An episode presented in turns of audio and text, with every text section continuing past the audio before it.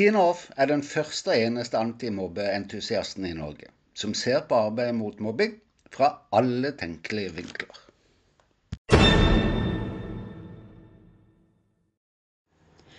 Mange smarte folk sier at kommunikasjon er vanskelig.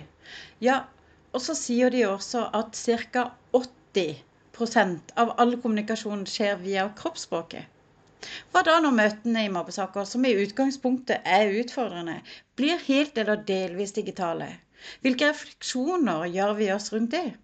Det tenkte jeg at vi skulle dykke ned i i dag. Velkommen til episode 24. Den voldsomme økningen i antall digitale møter er jo ikke noe som bare skjedde i mobbesaker.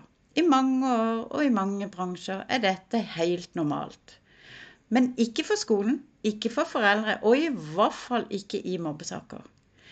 Mange steder gjennomføres nå ansvarsgruppemøter med skolens ansatte på ett møterom, mens øvrige deltakere dukker opp på skjerm og via telefon.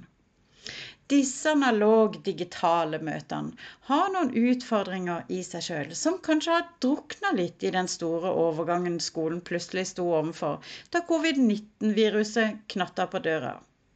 Så langt er min erfaring at pedagogikken tok en liten pause fra denne type møter. Så la meg plukke opp noen tanker og noen områder som kan være på sin plass å reflektere over nå. For det første, slettes ikke alle familier sitter på kontor og bruker Teams, Meet, Zoom osv. hver dag i sin jobb. Noen foreldre er utenfor alt som har med det digitale å gjøre. Når møter så skal holdes digitalt, vil det jo i en normal situasjon trolig vært helt åpenbart at en måtte sørge for at foreldre fikk tilgang på en liten opplæringssnutt om hvordan logge på videokonferanser. Så langt har jeg verken sett eller hørt om noen skoler som har laget noe slikt. Om det ikke fins på skolen ditt barn eller der hvor du er ansatt, er det bare å notere seg det på huskelisten før neste skoleår og sladre om at det må på plass. For det andre er mobbesaker et sårbart område for foreldre og en utfordrende situasjon for skolen. Men det er skolen som må makte å møte foreldrene etter beste evne.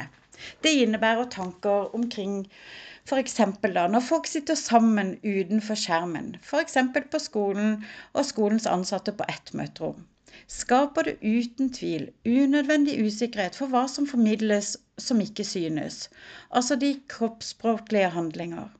Det kan oppleves ekskluderende, og er det noe mobbesaker ikke trenger, så er det opplevelsen av større avstand mellom de skoleansatte og hjemme. Heldigvis, da, kan det enkelt lukes vekk gjennom å sørge for at samtlige møtedeltakere fra skolen synes på skjermen til enhver tid. For det tredje rent kommunikativt. Når noen deltar via telefon, så fjernes all kommunikasjon via kroppsspråk. Tas det høyde for all ikke-verbal kommunikasjon, som det å være ekstra tydelig i sin formidling, og kanskje i enda større grad vektlegge forklaringer. Dette vil jo være veldig aktuelt når det gjelder tiltaksforslag eller justeringer av tiltak nemlig det å forklare de bakenforliggende vurderinger for forslag eller tiltak, og hva det i praksis betyr for barnet. Legges det til rette for at foreldre opplever inkludering i samtalen, som at det gis den tida til å tenke og gi respons, og ikke avfeies av mer ivrige på å ta ordet. Oppsummert helt kort seks tips til slutt. Punkt 1. Start punktlig. 2. Vær tydelig i det som kommuniseres. 3. Del begrunnelser i større grad. 4. Vær tålmodig og sørg for foreldrenes innspill, selv om den digitale arenaen åpner for raske skifter av talere. 5. Anta at foreldres holdning og utsagn har de beste intensjoner. Punkt 6. Send en kort e-post så snart mulig etter møtet. Det er det jo ingen som gjør, men gjør det du. Helt kort med to setninger som takker for møtet og oppmuntrer litt. F.eks.: 'Dette gikk jo bra', eller noe i den duren. De setter positive spor.